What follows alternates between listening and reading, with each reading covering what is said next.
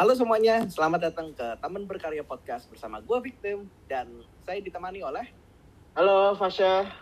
dan hari ini kami akan membicarakan soal dua hal yang lagi booming minggu ini yaitu sebuah kasus Oh, kasus apa di? ya kasus yang menyakitkan karena gue adalah fan berat superhero ini yaitu kasusnya Spider-Man Oh, oke oke lo, oke. lo tau kan kasusnya apa?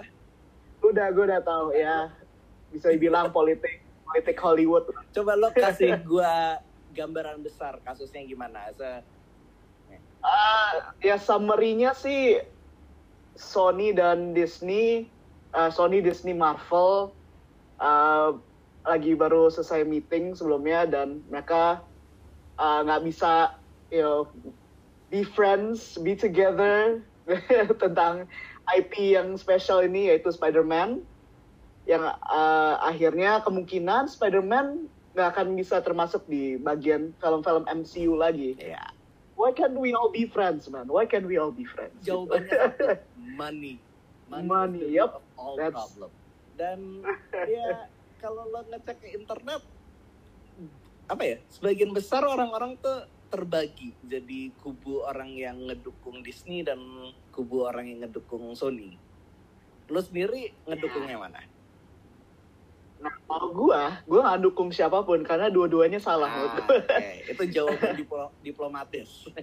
Nah, gua tuh nggak melihat uh, sebenarnya summary meetingnya kan deal dari uh, yang diinginkan itu untuk uh, film-film Spider-Man setelah um, uh, Avengers ya, setelah Avengers. Jadi yang udah keluar sekarang udah nggak termasuk lagi, cuman ini ngomongin uh, the future of the Spider-Man as a franchise Ya. kan gitu loh. Dan Disney yang deal sebelumnya, kalau pada tahu Disney tuh hanya mempunyai uh, mendapatkan profit 5% dari keseluruhan No, uh, salah. Itu kesalahan uh, fatal. Disney Disney nggak mendapatkan 5% dari keseluruhan pendapatan. Disney mendapatkan 5% dari minggu pertama penayangan. Jadi Oh, dari right. 1 billion Okay. itu mereka nggak dapat 5%. Mereka malah weekend pertamanya Spider-Man Far From Home adalah 92 juta dolar. Dan 5% dari itu Oh, adalah begitu. 4 juta. Jadi 1 billion dollars pendapatannya Spider-Man, Disney cuma dapat 4 juta. Itu untuk opening, pertama doang. weekend doang. Iya, Iya. sisanya Disney nggak mendapatkan satu sen dari film Spider-Man Far From Home. Wow. Oke. Nah, oke. itu- Nah, again, yang gue mau ngomong sih sebenarnya kita nggak tahu apa yang sebenarnya terjadi di dalam meeting room itu sih sebenarnya sih We're gitu. not in the room where it But happened. ini pun gue, ya when the room it happens, jadi gue baru tahu oh ter- ternyata specifically Disney cuman weekend Yes. doang gitu, profit weekends gitu, Nah, which is Nah, surprising. makanya ka- kalau ngelihat dari argumen-argumen di internet, gue ngerasa banyak banget yang apa ya eh, salah nangkep soal dealnya Disney sama Sony yang udah mereka buat sejak 2015 kemarin sebelum Civil War keluar Iya. kayak Sebelum saya kebanyakan orang tuh mikir eh ya Sony mendapatkan mayoritas pendapatannya sedangkan eh, Disney dapat merchandise rights. Padahal Uh, Kenapa? Disney, wait, this Disney selalu punya merchandise rights untuk Ma- uh, apa Marvel kan? Kan itu separate kan Iya. sebelumnya. nah itu kebanyakan orang berpikir deal yang mereka buat antara Sony dan Disney tahun 2015 itu adalah Disney dapat merchandise rights. Padahal Disney udah punya merchandise rights padahal- Spider-Man, khusus Spider-Man Iya, 11. Iya. Udah sebelum deal itu. 2011, yap. Iya. yap. Nah, habis itu ya itu yang tadi uh, orang-orang tuh mikir Disney tuh pengen 50% eh 50% dari pendapatan. Dari 5% naik ke 50%. Itu emang kalau dipikir-pikir gila. Tapi Gila. itu 50% tuh bukan Iya. cuma pendapatan tapi juga dari budget pembuatan produksinya juga. Karena Oh, Spider-Man oke, Far From oke. Home dan Homecoming kan Sony yang ngedanain. Tapi Hmm. ini Disney nawarin gimana kalau 50-50 uh, pendanaannya 50 dari Disney 50 dari Sony gitu Oke. ya itu for me itu Nah, masuk akal iya. sih Masuk akal sih. So, dan sekarang juga gue baca-baca lagi eh, ternyata kemungkinan Disney juga minta 25% atau sekitar 20% juga nyampe s- sebawah itu gitu loh. Maksudnya kelihatannya nggak hanya stop di 50-50 sebenarnya Iya. diskusinya gitu. ya eh, yang 50% itu itu yang bikin Sony ya kayak me- mereka menolak tawarannya so mereka meninggalkan uh, deal terbaru nah setiap hari tuh pasti ada info terbaru dan info yang paling baru ini adalah yang 25% kamu ngom eh lo ngomong itu dan Oh, itu iya, iya. sebenarnya 25% dari uh, keseluruhan franchise Spider-Man yang ada di Sony. Jadi bukan cuman Spider-Man-nya Tom Holland, tapi dari Spider-Man Into the Spider-Verse, Venom, Morbius, dan semua. Yang di luar Iya, Itu gitu ya. Sony pengen Kevin Feige ngebantu ngebantu ngedevelop properti-properti itu. Nah, Iya. kalau dari itu gue juga make sense kalau Disney mau dapat pemasukan lebih banyak karena mereka meminjamkan apa as, ya Kevin aset Feige. terhebatnya Iya. mereka ke kompet ke rival studio. Eh, itu itu itu make sense banget sih buat gue akhirnya. Emang Sony, gue bisa bilang Sony itu punya ego terbesar eh, sekarang gitu. ya sebenarnya masuk akal karena Spider-Verse kan sukses besar. Walaupun box office-nya sebenarnya Sukses kurang besar, karena ya. film animated gitu. Banyak orang nggak terlalu suka film ani- animation. Dan Tapi ya buat buat di tipe animasi itu sebenarnya eh, lumayan sukses sebenarnya gitu. Kalau kalau dilihat dari eh, genre animasi Iya. sendiri buat box office animasi itu bagus banget gitu. ya, Spider-Verse.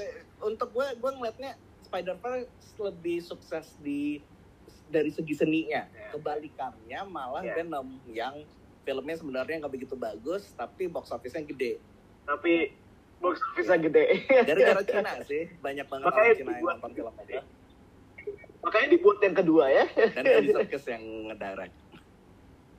Kayak nggak terek Andy Serkis. Ini Sony sebenarnya udah punya plan sebanyak buat dunia Spider-Man sih. Makanya mereka juga pas mungkin kepikiran dalam diskusi itu kalau misalnya mereka bisa ngambil Spider-Man balik ya untung di mereka juga Iya. sebenarnya kan gitu. Cuman Karena mereka juga lagi bikin sesuatu. Iya, tapi ya itu eh, walaupun hasilnya Spider-Verse dan Venom kayak gitu enggak gue masih belum apa ya 100% yakin Sony bisa ngedevelop franchise Spider-Man tuh bagus sebagus film Spider-Man yang ada di MCU karena se- Iya, sebelum iya. Homecoming mereka kan setuju. ngerencanain mau buat film Aunt May dan Aunt May iya Really? Kalau nggak salah pengen jadi superhero atau jadi spy kalau nggak salah Ini kayak lu tau eh, kayak kayak di dunia sekarang ada TV seri Alf Alfred Pennyworth. Tahu. Jadi ya kayak gitu ya. iya tapi kalau itu kan TV series jadi stake-nya lebih rendah kalau Sony pengennya bikin jadi film Wow, Dan- itu ya. antara bold atau stupid idea. they're stupidly bold atau bold Stupidly bold. Ya. Well, ya begitu. Dan tadi kan gue nanya kalau lo apa namanya nge ngedukung siapa? Ba- dari banyak banget argumentasi di internet, banyak yang bilang Sony bodoh, banyak yang bilang Disney bodoh. Padahal menurut gue yang bodoh adalah kita kita para fans. Ya, itu gue lebih dari lebih baru dari setuju sih. Kita kebawa banget sih dengan itu sih.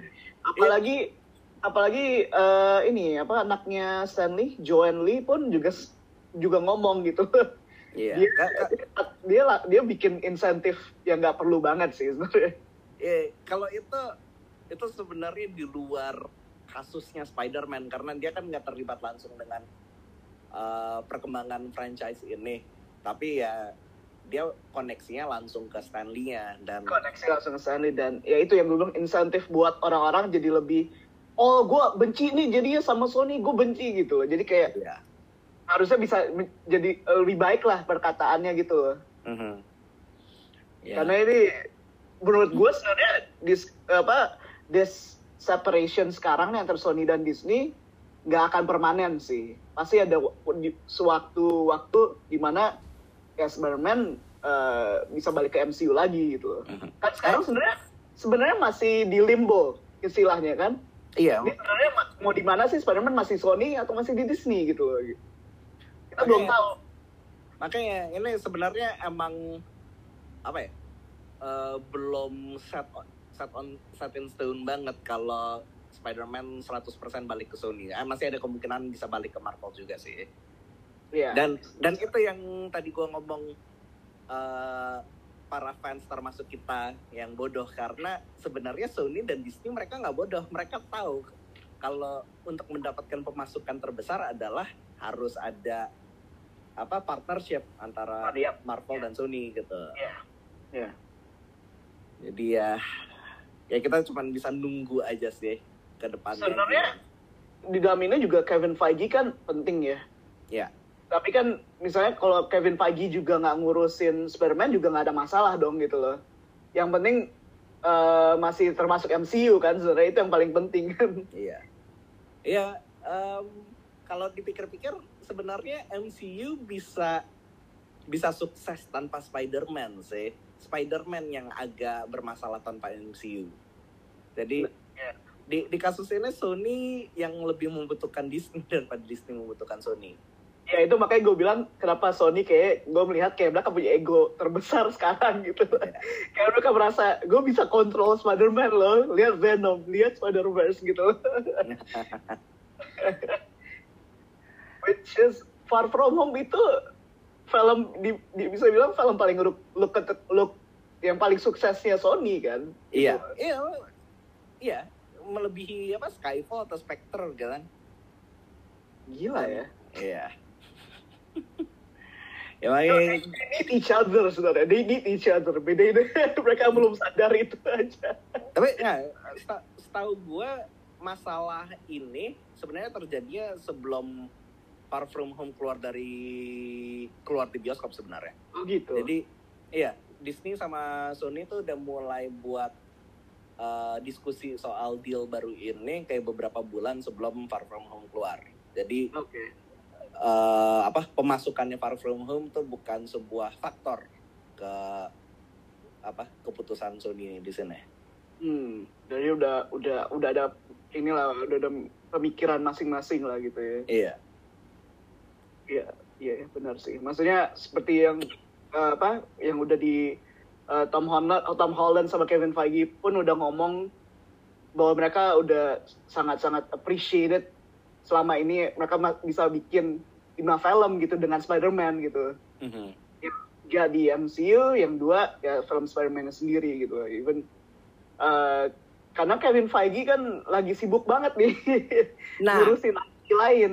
Iya itu nanti kita mau bahas bentar lagi sih. Tapi itu alasan yang dipakai sama Sony kenapa kenapa mereka putus karena Kevin Feige terlalu banyak uh, properti yang mau di develop jadi nggak ada waktu untuk nge ngebimbing Spider-Man kan. Pada Emang Iya, itu ya? ada Emang di, itu ada Sony? di twitternya Sony mereka buat kayak press release kalau uh, Disney tuh nggak bisa nggak bisa kasih kesempatan Kevin Feige untuk meluangkan waktu yang banyak untuk mendevelop Spider-Man karena saking banyak Tapi sebelumnya dengan dengan si siapa eh, produsernya Spider-Man dari Sony? Ta- tadinya Amy Pascal tapi Amy Pascal udah Amy Pascal. udah pindah divisi sekarang yang baru namanya Tim Rothman Iya, Tim Rothman ya. Cuma, cuma kan Amy Pascal masih termasuk di Far From Home ya, kalau nggak salah. ya. Eh ya, dia masih di kredit sebagai produser. Masih kayak di produser, oke. Nah makanya, kenapa- Jadi untuk future-nya kemudian si top Tim Rothman ini, ini Iya. gitu ya. dan gue masih nggak ini sih nggak punya kepercayaan 100% untuk dia. gue gue Dia dia ini eh, yang gue riset dari dia itu dia yang bikin salah satu penemu Fox, Fox Searchlight. Iya, salah. dan kalau nggak salah dia juga terlibat sama Dark Phoenix. dia dia terlibat beberapa IP superhero termasuk eh, sejak Wolverine sih Oh, sebenarnya iya. sih X-Men Wolverine. Jadi ya kalau deal ini te- terus berlanjut, jadi Spider-Man 3 akan sekualitas Wolverine.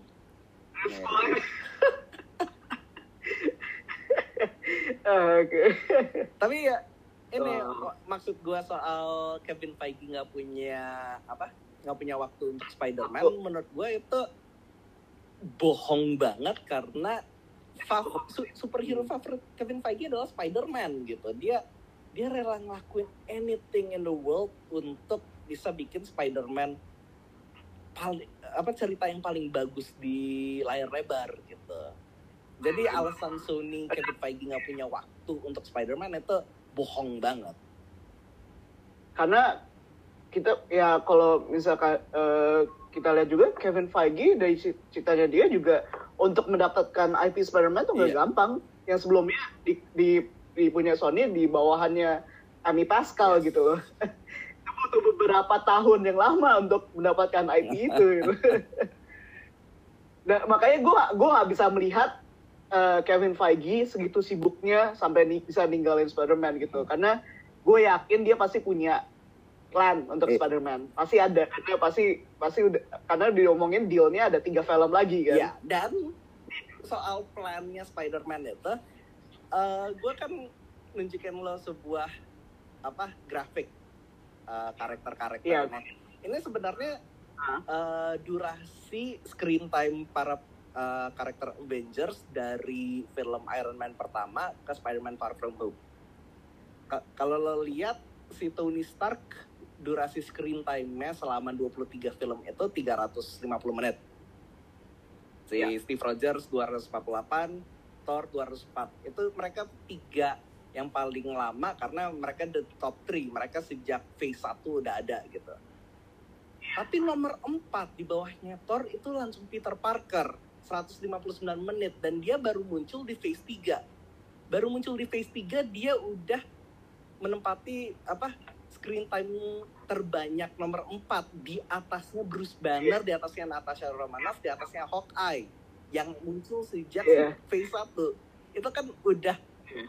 bukti konkret kalau si Kevin Feige itu sangat mencintai ini karakter dan pengen si Spider-Man menjadi apa muka mukanya Marvel Cinematic Universe setelah si Tony Stark udah nggak ada. Tony Stark udah nggak ada. Jadi ya Nah, ya. Gue sangat berharap sih ini bisa selesai. Yang paling nggak terselesaikan dengan damai lah. Fans juga, gue berharap fans juga nggak terlalu ekstrim dengan ini karena, again kita nggak tahu apa yang akan terjadi Iya. setelah ini. Sebenarnya kalau bisa dibilang pun, kalau mau ada harapan, sebenarnya kalau dibi- bisa dibilang, eh, misalkan Spider-Man sekarang lagi nggak ada nih di. MCU. Tapi kan film MCU pasti akan Iya. berjalan dong. Spider-Man tetap bisa bi- eh, apa dengan ceritanya sendiri di luar MCU. Ketika balik ke MCU lagi ya bisa dilanjutin dari situ kan gitu. Maksud gue eh, ya look at the bright side mau nanti sekarang Spider-Man keluar pun we still get more Spider-Man gitu. iya sih tapi aneh nggak sih menurut lo karena film pertama sama kedua dia kan sangat Avengers heavy banget di ceritanya. Masa Iya, di iya. film ketiga tiba-tiba nothing at all referencing the Avengers gitu. Jadi mereka nggak bisa ngomong soal Tony Stark, mereka nggak bisa nunjukin Happy, nggak bisa nunjukin apa Skrulls. Pokoknya semua yang dari Marvel Cinematic Iya. Universe nggak bisa ditunjukin sama sekali gitu. Iya. Itu ah, aneh sih menurut gue. Iya. We'll see from here sih sebenarnya. Itu spekulasi kita pun juga minim minim sekali. Emang. Ya, karena ya itu dibilang yang gue bilang ya masih di limbo ini nah, even Tom Holland pun pasti sekarang bingung man gue sekarang di satu fakta yang gue senang dari Tom Holland adalah kalau lo ke Instagramnya dia, dia nge-follow Marvel Studios, tapi dia udah nggak unfollow Sony Pictures. Iya, So- Sony Pictures. Itu gue lihat beritanya juga. So, ya kita tahu si Tom Holland lebih ngedukung siapa sih sekarang. Iya, I mean, siapa sih yang nemuin Tom Holland? Kevin Feige, man. Bukan Kevin Feige, si siapa? Sarah Hilifan, casting directornya Marvel Oh, iya, Cinematic Universe. Dia selain Kevin Feige menurut gue adalah the unsung hero of the MCU. Tanpa dia ya superhero superhero yang kita tahu sebagai hero Marvel nggak kayak gitu. Iya. Oke, any last thoughts about the Spider-Man debacle? Ah, what else ya? Apa yang bisa diomongin? Ya, mungkin Disney, ya, kita tahu IP kan cara bekerjanya lucu ya. Maksud gue, IP film tuh dipisah, IP merchandise juga dipisah. Gimana TV seri? Eh, TV series juga haknya Spider-Man dipegang sama Sony. Tapi Oh, tapi iya? TV series live action. Jadi Spider-Man Oh. yang dipotray in live action itu dipegang Sony. Tapi TV seriesnya Spider-Man yang animated masih di Marvel. Buat apa Sony megang live action TV TV, TV series live action ya Spider-Man? J- untuk hati-hati aja, untuk mereka punya aja sebagai jaminan aja. Ya mereka nggak pernah pakai juga kan? Iya. It- itulah alasannya dulu ada Fantastic Four yang jelek banget yang tahun 2015. Itu Iya. ya, iya. mereka buat karena mereka masih pengen punya haknya aja. Wow. Ya itulah politik Hollywood. Yes. Oke, jadi dari apa the bad side of Hollywood politics ke lebih cheerful, yaitu weekend ini ada Comic Con khusus Disney di 23 Oh, di 23. A lot of things. A lot of things I'm excited apa about. aja? Apa aja yang lo suka? Yang pasti yang paling gue excited adalah Miss Marvel. Oh, Miss Marvel. Finally. Finally. Kayak itu apa? The first Muslim superhero. Ya. Itu dia. Maksudnya secara internationally known ya, as a Muslim superhero Yeah. gitu. I mean, it's it's exciting to apa untuk melihat superhero yang berbasisnya beda dengan superhero lain gitu. Mhm. But, but even has a religious focus karakter Right. gitu loh.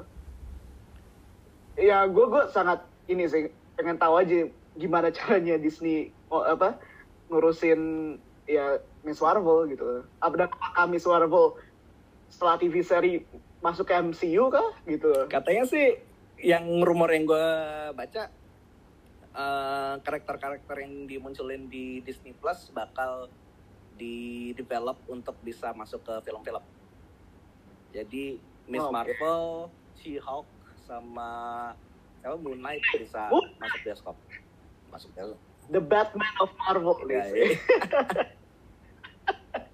Ngomong-ngomong soal She-Hulk, lo tau nggak pas waktu pengumumannya di di 23 kan ada kayak grafik-grafik eh, yang apa ya ngesimbolisa ngesimbolisasiin si Miss eh apa She-Hulk-nya. Dia kan lawyer. Belum tuh. Nah, salah Iya. satu simbol yang ditunjukin tuh the the blind lady of justice yang yang sering Yeah. muncul di apa di opening creditsnya Daredevil dan pas waktu itu Daredevil. dimunculin di layar orang-orang pada teriak oh Daredevil keluar tapi pas waktu muncul teksnya She-Hulk banyak yang kayak ya Iya, kita nggak kita harus ini sih, kita harus eh, sadar bahwa Daredevil belum bisa balik lagi untuk mungkin beberapa tahun. Dua tahun. Nih, setahu tahun gua, ya. eh, haknya karakter-karakter Defenders dari Netflix baru bisa dipakai Disney dua tahun aja. Dua tahun setelah mereka keluar dari Netflix. Ya, ya udah deh. I mean ya sekarang kelihatan di eh, selama the next eh, apa fokus apa kan eh, arc sorry arc untuk phase berikutnya kan masih dibuat nih ya. So, berlang makanya Disney fokusnya ke TV seri that makes sense gitu. Untuk sebagian karakter ini daripada introduce ke film ya TV seri aja dulu. Karena kita lagi bikin karena mereka pasti lagi bikin story Mhm. arc. Kayak ap- nanti kayak apa nih apa, apa Infinity War-nya uh, phase yang baru sekarang kan gitu. Kayaknya menurut gue nggak ada Avengers deh di Phase 4. Kar- Karena kalau lo lihat endingnya Phase 4 tuh di Thor Love and Thunder. Jadi Iya. gue ngerasa Iya. Avengers 5 bakal disimpan untuk Phase 5. oh iya mak iya maksud gue phase 4 ini juga uh, phase 4 ini kan termasuk juga TV TV seri yang keluar sekarang iya. kan gitu loh yang di oh Blade sih Blade masih 2022 ya Iya. Blade tuh phase, Phase 5 lima. Blade itu phase 5 bagian yang diintroduce sekarang Phase 4. beberapa di phase 5 ah. Oh iya, benar. Eh ya, itu kan bukan TV series ya, lebih ke Disney Plus. ya itu Disney, Disney Plus tuh gila sih. Menurut gue tadinya gue kira ini bakal jadi kayak kompetitornya Netflix aja. Tapi menurut gue ini bakal bisa ngejatuhin Netflix ya. Habis kalau lo ngeliat apa konten-kontennya budget untuk produksinya gede banget. Habis itu eh, acara-acara yang ditunjukin ada special features-nya kayak yang ada di DVD Blu-ray gitu. Di Netflix kan nggak ada sama harganya tuh 10 dolar lebih murah dari Netflix. Ya. Jadi gue gue udah yakin sih kalau Disney Plus udah masuk Indo, gue akan meninggalkan subscription Netflix gue. Iya, sebenarnya tapi ada beberapa orang yang melihat Disney Plus juga uh, mung- mereka nggak begitu suka selain yang ini ya, selain yang Marvel centric gitu. Sisa-sisanya kan lebih kayak uh, a rehash of what Disney has in store gitu. Loh, Mandalorian selain selain selain Star Wars dan selain yang big big big uh, big franchises maksud gue, yang lainnya. menurut gue itu caranya Disney Plus kayak ngepromosiin servisnya mereka. Mereka harus apa eh, keluar big gitu. Jadi kayak oh ini eh, series-series kita kan yang keren-keren gitu. Nanti yang baru yang original keluarnya nanti lagi. Jadi lo excited buat High School Musical the series? Ya, gue dulu pecinta High School Musical. ya, gua, ekspektasi gue nggak tinggi-tinggi, tapi I mean, gue nonton itu di Disney Plus kan gue nggak bayar tambahan, jadi I'm gonna watch it. Iya sih. Iya, ya. I- I- I'm not gonna watch uh, what Lady and the Tramp sih. Oh itu juga. Ya, kalau itu jadi Disney film-film Disney yang live action gue udah nggak nggak ada yang gue tertarik sama sekali sih. Jadi apa ya? Kayak it's not worth it aja untuk gue.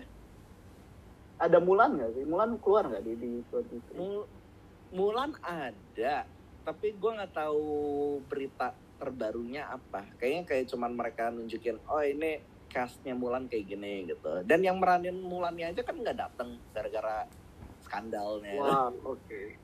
Oke, wow. Ya, Kayaknya ya, setelah Mulan tuh aktris nggak dapat pekerjaan lagi dari Hollywood.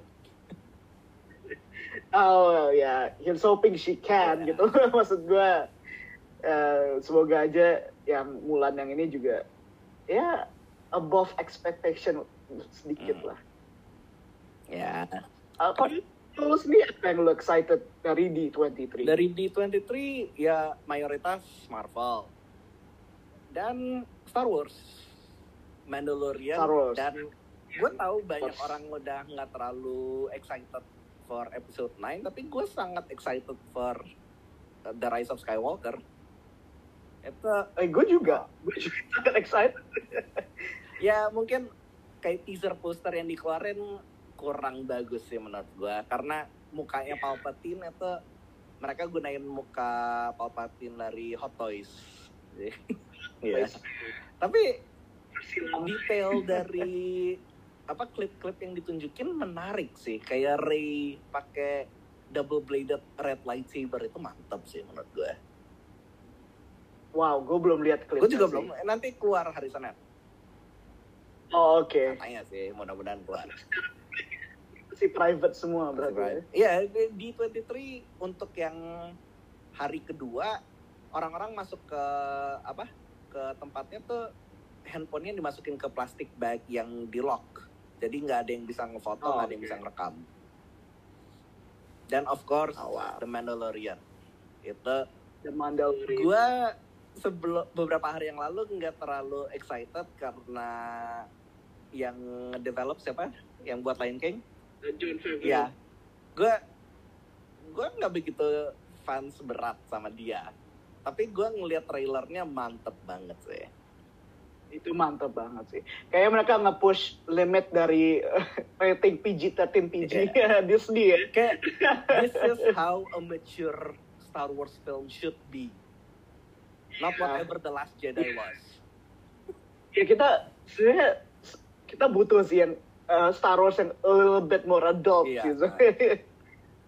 dan ya bagus sih ada di apa Disney Plus jadi mungkin yang di film-film yang di bioskop masih lebih di cater untuk semua umur supaya anak-anak masih bisa enjoy gitu tapi for mature audience mungkin lebih di limit ke streamingnya streamingnya ya. Maksudnya ya streamingnya Disney Plus kan nggak hanya Disney aja ada National Geographic Mhm. ada uh, ada Fox ada Hulu gitu plus Hulu packnya kan Iya. gitu. tapi emang Hulu masuk Indo ya Nah, ini belum tahu sih sebenarnya. Hulu, belum masuk Indo secara, sekarang gitu loh. Belum termasuk Indo. Ah, Karena di, di- nah kalau ketika di 23 masuk Indo, kemungkinan kita nggak dapat Hulu gitu.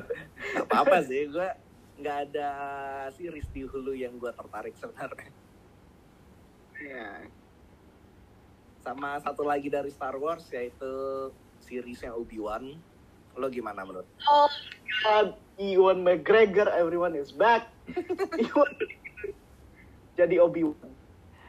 kayak gue I mean I love Ewan McGregor dia he was a very good Obi-Wan cuman gue nggak nggak pernah nggak hype soal series ini sih jadi kayak dari dulu orang-orang tuh pengen Ewan McGregor balik lagi jadi Obi-Wan gue gue biasa-biasa aja jadi pas satu series ini diumumin gue biasa juga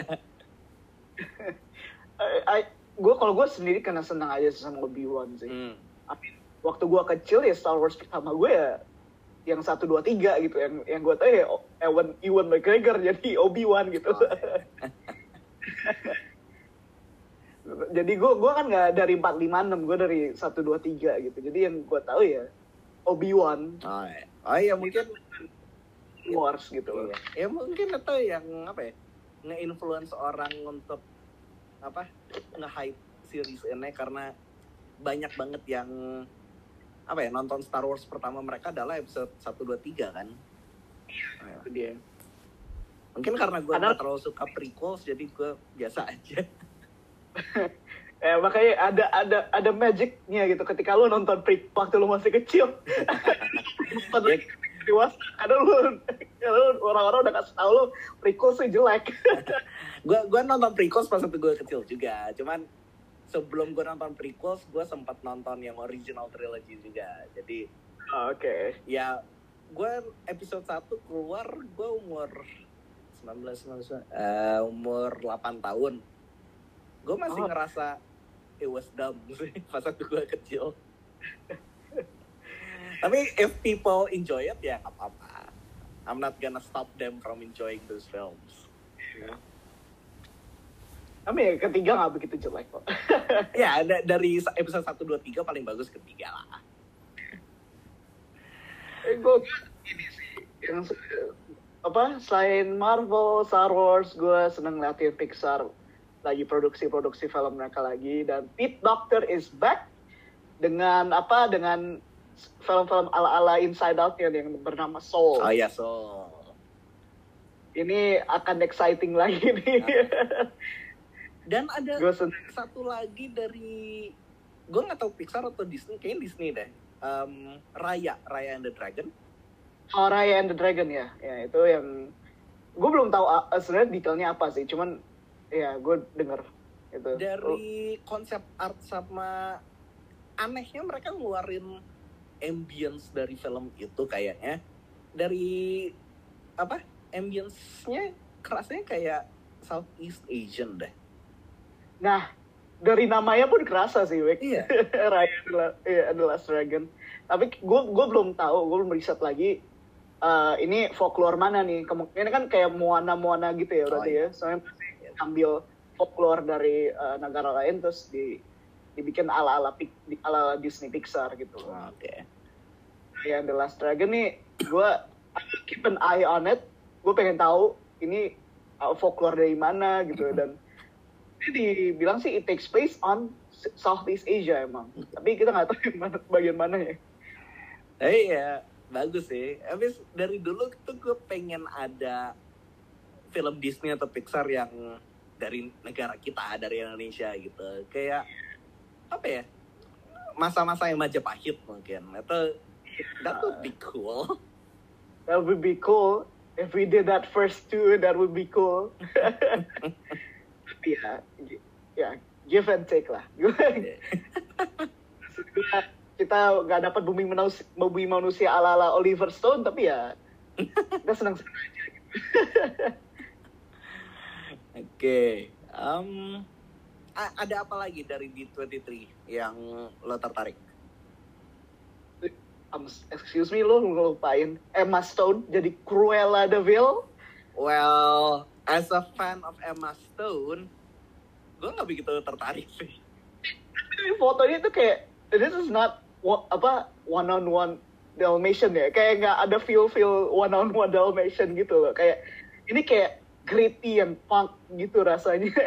Iya, tapi apa ya mukanya nggak kayak Emma Stone. Emang gak kayak masuk, tapi gue suka aja sih kayak, ayo mungkin ngerimain gue gothicnya apa? Gothicnya Tim Burton. hmm, Tapi aja bukan film Tim Burton sih. iya sih. Gue nggak mau nonton Dumbo lagi. Tapi apa ya? 101 Dalmatian kan awalnya sebuah kartun. Langsung Iya. di remake jadi live action. Dan ini di Iya. remake lagi sebagai live action lagi. Oke. Jadi udah what Iya, was iya, the iya. point? I mean, ko- ya. Ya, Cruella de Vil kan ya kayak Maleficent kan. Pasti nanti dirubah ceritanya. Ternyata si Cru- Cruella-nya tuh orang baik gitu. Guess. Aja, ya. Maksud gue, gue juga nggak begitu seneng dengan live live actionnya Disney sekarang sih. Nah, Karena kita kan eh, berdua grow up dengan live action Disney yang di mana kualitasnya kualitas apa Disney Channel gitu. iya sih. Oh, Dan kenapa kenapa? dan apa ya gue gue hanya senang aja latin Emma Stone beda dari role-role dia yang dulu gitu loh. Hmm, iya sih. Speaking of Disney Channel, Lizzie McGuire juga balik. Yeay. Ya, ya, Dixie gue juga balik. itu itu tontonan gue pas waktu gue kecil. Kayaknya itu itu 90s banget. Iya sih. eh gue gue gue gue gak gue gak begitu banyak nonton Lizzie McGuire sih. Gue lebih ke Hannah Montana sih. Oh, Oke, iya kita beda generasi banget sih kalau gitu. Oh my god. Oh, mungkin satu lagi ini sih. Apa cast another cast of Game of Thrones masuk ke The Eternals. Jadi kita akan ketemu Jon Snow. Kak, kakaknya yang gue lupa namanya. The Other Star Kid. Other Stark ya. Ini fans pada nge ini banget sih, pada trending apa Game of Thrones cast balik lagi gitu-gitu. Tapi lucu aja sih. Marvel baru kehilangan satu Stark, asal sekarang muncul dua Stark lagi. Satu lagi dalam satu film. oh lo gimana? The Eternals gimana menurut lo? Ini apa sih The Eternals gitu? eh ya yang gue tahu kan ini cosmic characters gitu. Jadi kayaknya nggak mungkin ada cerita nggak ada adegan yang settingnya di bumi sih.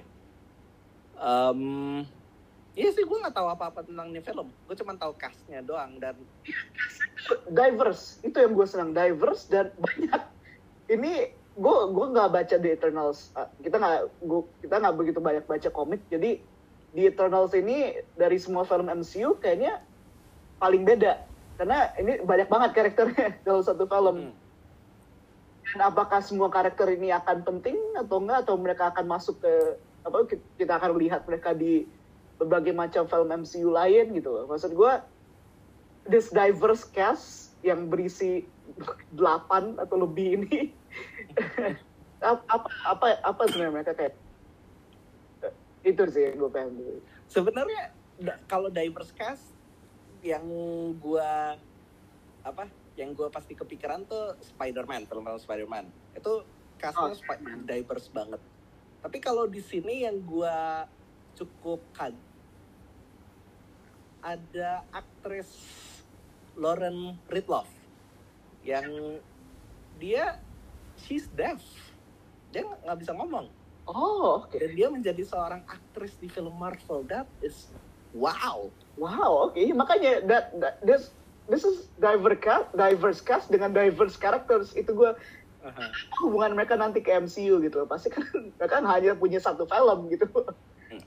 Dan katanya ada there's gonna be a gay character yang penting yang sexuality-nya penting ke karakter dia dan story arc-nya dia di Eternals. Itu juga menarik banget sih.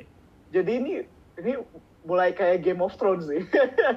Emang Game of Thrones kayak gitu ya? Ada beberapa yang kayak gitu. Oke.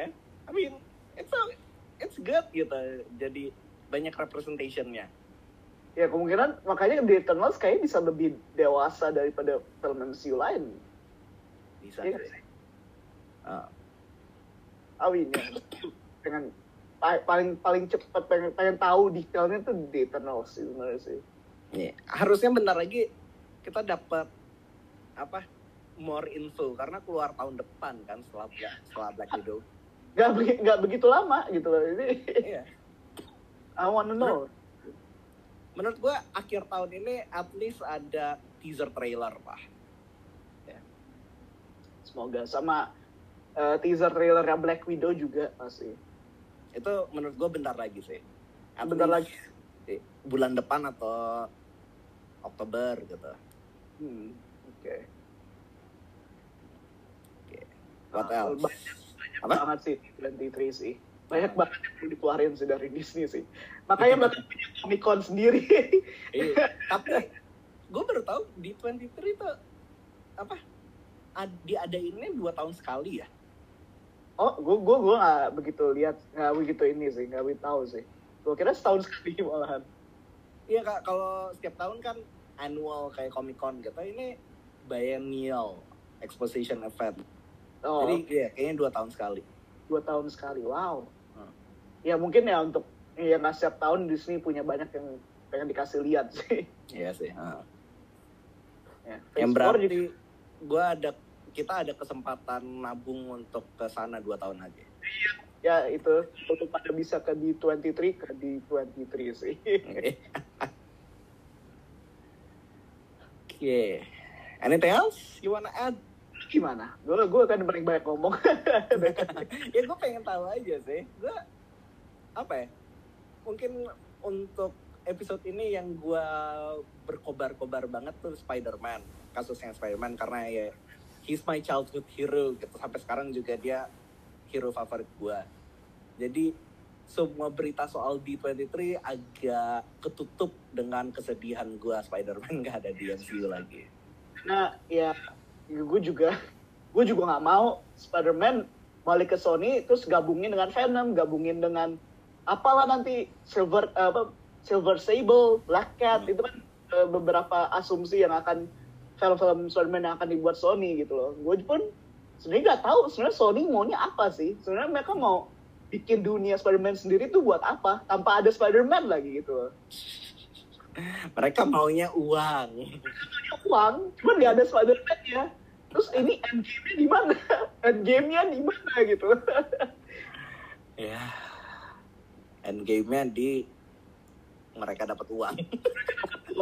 I mean, ini kayak single story dari dunia-dunia Spider-Man yang kita nggak, ya udah nggak ada meaningnya sama sekali. Ya gue mungkin sebagai single film mungkin ada yang bagus nanti dari nggak tahu apa yang mana. Gue nggak tahu Venom 2 bakal bagus juga. Gue agak meragukan sih Venom 2 bakal bagus karena film Andy Serkis yang banyak CGI-nya itu Mowgli hasilnya nggak bagus. nggak nonton juga Gue gue nonton dan itu nggak bagus sama sekali. itu bersamaan dengan The Jungle Book ya atau setelahnya Tahun setelah The Jungle Book. setahun setelah The Jungle Book wow Nah, kan ceritanya katanya lebih dewasa daripada Ya. Iya, emang lebih dewasa dan lebih jelek aja. lebih jelek. emang sendiri dari dari film itu ada Serkis secara directing yang jelek atau Um, iya sih, the- jadi basically kan kalau director everything you see on the film itu visionnya director. Dan ya semua yang gue lihat di film itu nggak bagus aja sih. apalagi eh, nanti Carnage-nya yang kayak comical gitu. Kayak Woody Harrelson. Pakai wig, pakai wig.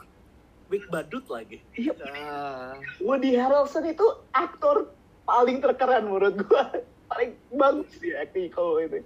Cuma pas di di Venom di end credits-nya gitu spoiler. Ah, sorry. Ah. belum. Eh ini gue nggak tahu si Woody Harrelson mau jadi lucu atau mau jadi menacing gitu. Karena Man.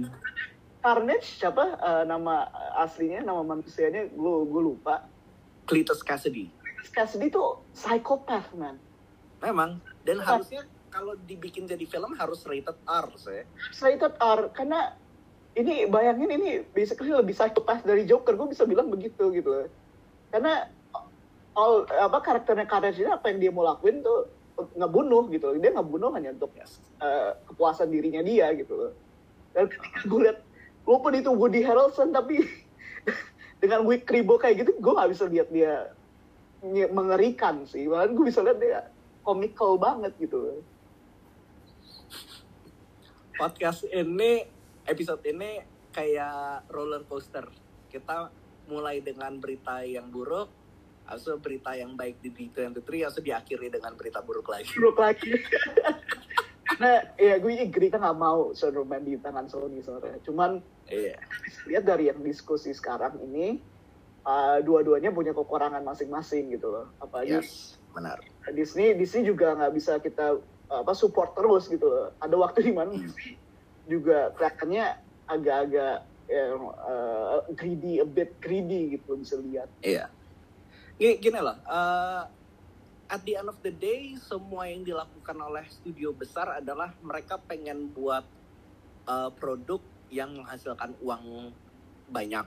Iya. Dan the best way untuk mendapatkan uang paling banyak adalah partnership antara Sony dan Disney. Yap.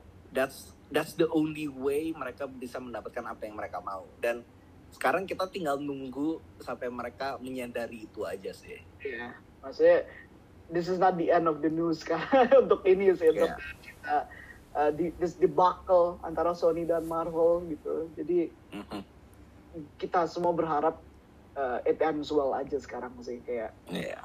apa yang tadi ya Sony dipegang Spider-Man untuk sementara oke ya udah kita terima kalau jelek kan basically mereka nggak punya choice lagi untuk balikin ke Marvel kan Iya. Kecuali kalau Disney beli Sony sih. Masa Disney jadi penguasa dunia. sih Sony masih bilang nope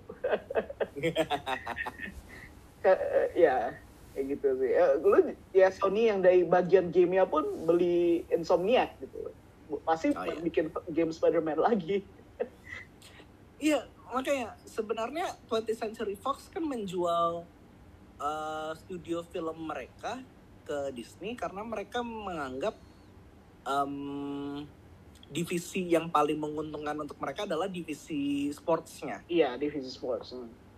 Sebenarnya kalau Sony menganggap divisi yang paling kuatnya adalah divisi game bisa aja sih mereka melepaskan studio filmnya ke Disney. bisa Jadi mereka fokusnya ke ke video game saja gitu. bisa bisa cuman Hmm. setelah mereka Tapi jadi monopoli aja sih. setelah mereka melihat su- kesuksesan dari yang ya yang mereka dapat sekarang dan Ya. gitu loh apalagi dengan eh, apa yang di bawahan sekarang tim Rossman ya namanya Tom Iya. Eh, dia pun secara kredibilitasnya bagus gitu loh dia dia nggak produce banyak film-film Oscar gitu loh sebenarnya mungkin di dalam film yang apa yang Oscar worthy atau indie dia ngerti mungkin di dalam superhero dia ada kekurangan gitu loh karena Hmm. dari ker- dari Benar caranya sih. dia dia pernah nge, pernah nolak Deadpool gitu Deadpool yang di sekarang di Fox gitu Oh ya, benar benar. benar. jadi dia dia punya kredibilitas sebagai orang di film dia dia bagus pasti cuman kalau superhero films is not as important as you know, ya film-film biasa gitu ya bukan bukan bukan Hmm. superhero gitu. Oke. Ya benar lah. Anyway, kayaknya itu semua yang bisa kita bahas soal Spider-Man sama D23. Untuk episode berikutnya, episode minggu depan adalah episode yang lo tunggu-tunggu, yaitu episodenya Gundala dan Bumi Langit. Gunda. Yap, eh, kita akhirnya mendapatkan universe kita sendiri. Ya. Nanti mungkin ada D23 khusus Indonesia. Ya, itu itu namanya Indonesia Comic Con, jadi tetap Comic Con namanya. jadi eh, tunggu aja sih episode berikutnya. Kita excited untuk wah apa film pertama dari eh, franchise Bumi Manusia gitu. Kalau enggak Well, lo yang excited sih, gue nggak begitu excited. Tapi I'm still gonna watch it. Gue harus tahu cinematic universe-nya Indonesia tuh kayak gimana. Iya. Yo, gue gue gatel banget ya ngomongin ini sih. Tapi mungkin kita harus berhenti sekarang sih. ya udah, jadi itulah episode kita soal Spider-Man dan D23. Gue Victim dan gue ditemani oleh. Asya, sampai jumpa lagi. Oke, terima kasih semuanya. Selamat tinggal. Tinggal.